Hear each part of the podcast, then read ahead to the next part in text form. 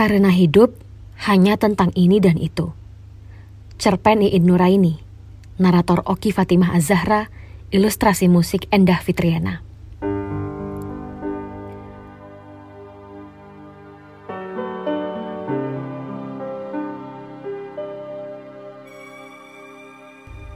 Rutin.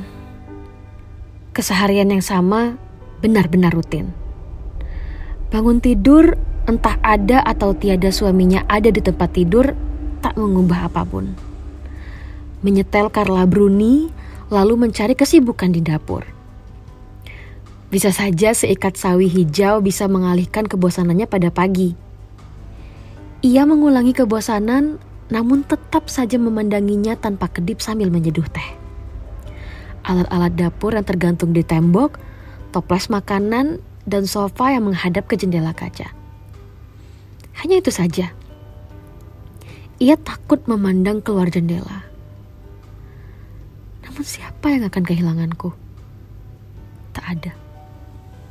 Lelaki itu yang setiap pulang malam selalu tak bicara, pada kopi dan baju kerjanya saja lelaki itu membuka mulut dan mengeluarkan suara. Dia sering bicara pada dirinya sendiri bahwa menikah itu hal paling konyol yang pernah ia lakukan dia bahkan lupa siapa dia sebelumnya. Ia terlalu bodoh bahkan untuk menyesali kenapa menikah dengan lelaki itu.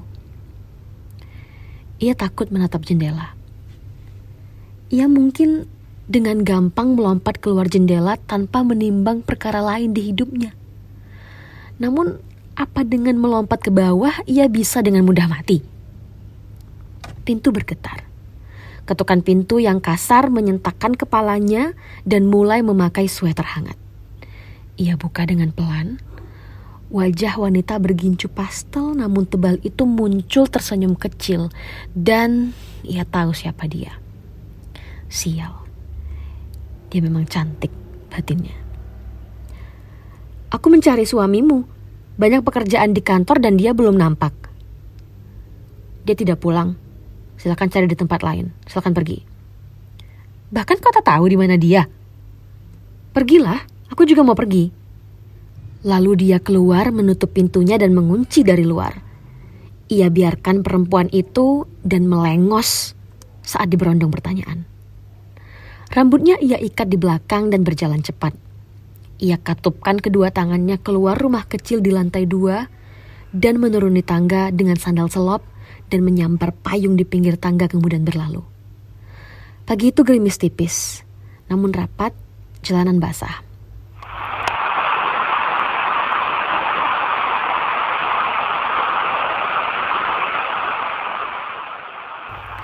Rutri menepi di teras toko. Hujan lebat turun berkawan angin kencang. Payung yang ia bawa terbang terpelanting jauh di seberang jalan. Kendaraan masih kacau di jalan klakson dibunyikan saling menyusul. Jarak pandang hanya pendek. Kacau. Benar-benar kacau.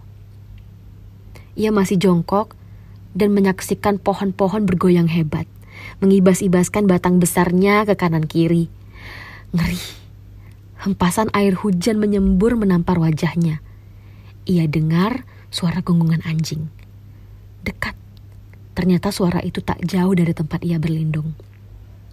Bulunya yang hitam basah kuyup sambil menggonggong menyalak-nyalak, seolah melihat orang asing yang masuk rumah majikannya. Kepalanya mengangguk-angguk seirama dengan nyaring suaranya. Eh, di mana majikanmu? Rutri berteriak sambil menatap anjing hitam itu. Tubuhmu besar ya, gonggonganmu cukup mengagetkanku. Anjing itu terus menyalak seolah dengan suaranya yang berisik bisa menghentikan hujan angin di hadapannya. Diamlah, kau diam saja, lalu berdoalah. Anjing itu menengok untuk pertama kalinya pada Rutri. Mata mereka saling beradu, lama diam. Kenapa kau diam? Hah? Kenapa diam? Lalu keadaan hening.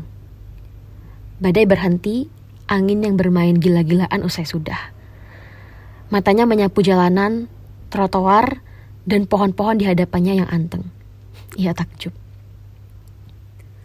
Rupanya kau benar-benar bisa berdoa. Perempuan itu kemudian berlalu. Berjalan tenang seolah tidak terjadi apa-apa. Ia ingin seharian berada di luar dan tak mau pulang ke rumah. Setiap hari ia akan berkeliling kota untuk menemui hal-hal baru yang selama ini telah ia lewatkan selama berada di rumah sebagai istri yang patuh.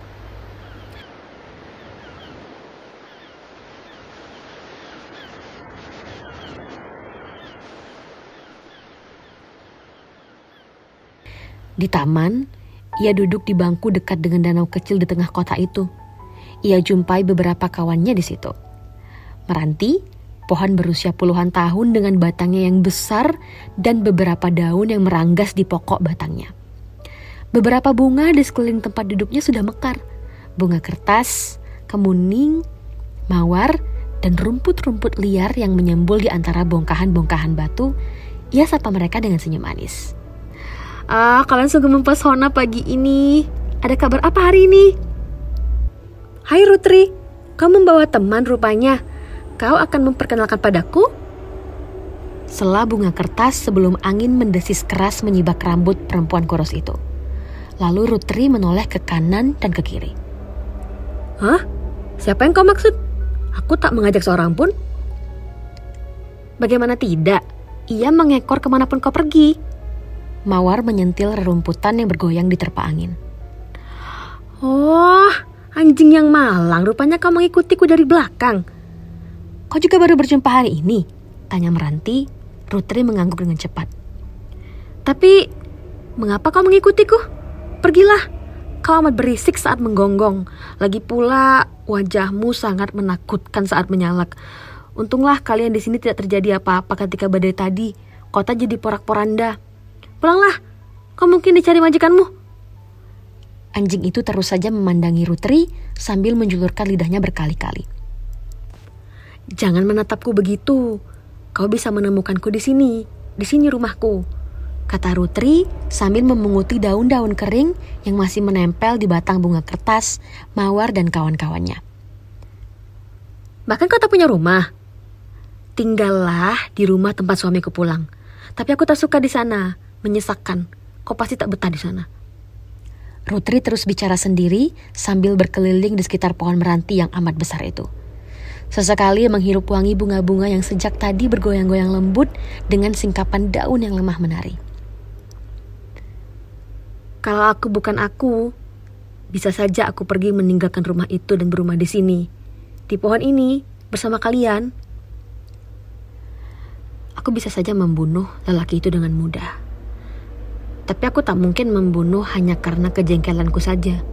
Aku tak mungkin membunuh hanya karena dia sudah lama berselingkuh dengan wanita itu.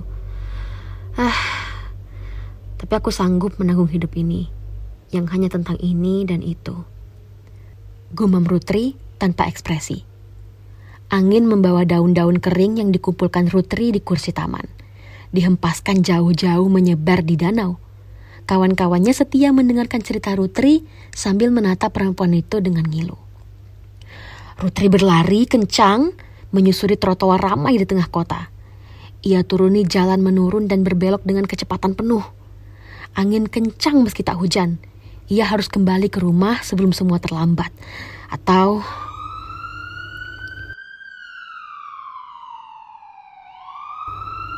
Sirina ambulans berdenging di kepalanya melewati jalan kecil menuju gang-gang di kota itu.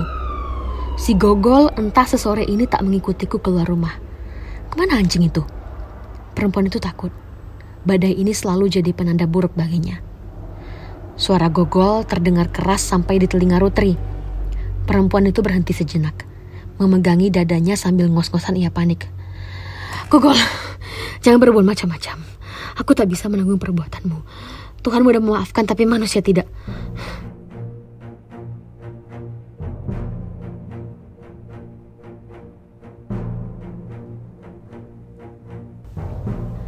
Rutri berjalan mendekati gedung di ujung perempatan ini.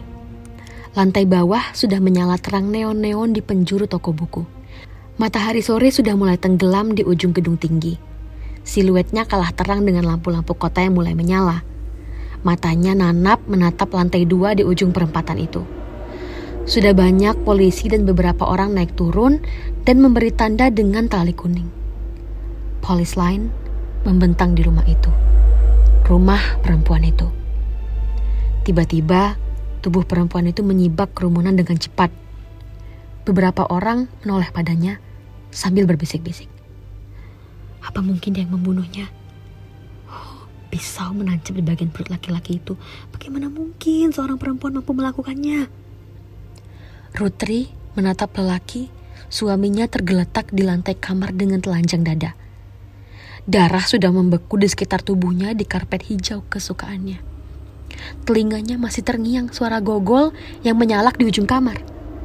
Telinganya bergerak-gerak dan makin nyaring melihat Rutri di ambang pintu. Apa yang kau lakukan? Aku bilang jangan pernah lakukan itu. Suara Rutri dingin dan tak sekalipun menoleh pada mayat suaminya. Ia hanya menatap lekat-lekat pada anjing hitam yang terus menyalak dan menggigit pisau panjang penuh darah. Gogol, kenapa kau lakukan? Lepaskan pisau itu cepat, lari cepat. Rutri terus bergumam menatap di pojok kamar. Nyonya, benarkah Anda yang bernama Nyonya Rutri? Perempuan itu hanya diam. Matanya masih menatap pojok kamar. Ia tak bisa menangis meski ia ngeri melihat pemandangan di depannya. Ia tak bisa menangis. Ia tak bisa menangis meski ada rasa buncah di hatinya. Entah perasaan apa yang pantas ia berikan untuk kematian lelaki yang sangat ia benci. Tangannya bergetar, mulutnya tercekat tak bisa berkata secuil kata pun.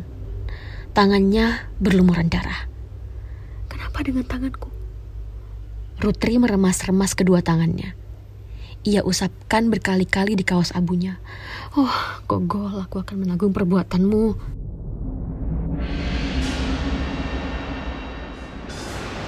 Dua lelaki berseragam memegang lengannya kuat. Didorongnya tubuh kurus itu menjauh dari kerumunan. Rutri menempelkan pipinya di jendela mobil polisi dan menjauh. Pak, bisakah anjing yang ada di rumahku tadi kau beri makan? Ia seharian belum makan. Nyonya, di rumah tadi tak ada anjing sama sekali. Tak ada siapa pun kecuali mayat suami nyonya. Oh gogol, aku menanggung perbuatanmu. Polisi itu hanya memandang perempuan kurus itu dengan iba. Ia bingung, perempuan itu menangis karena suaminya atau menangis karena meninggalkan anjingnya. Mata perempuan itu mulai basah. Ia mulai sesenggukan. Mulai mengeluarkan cairan di mata dan hidungnya. Ia mulai menangis keras keras sekali.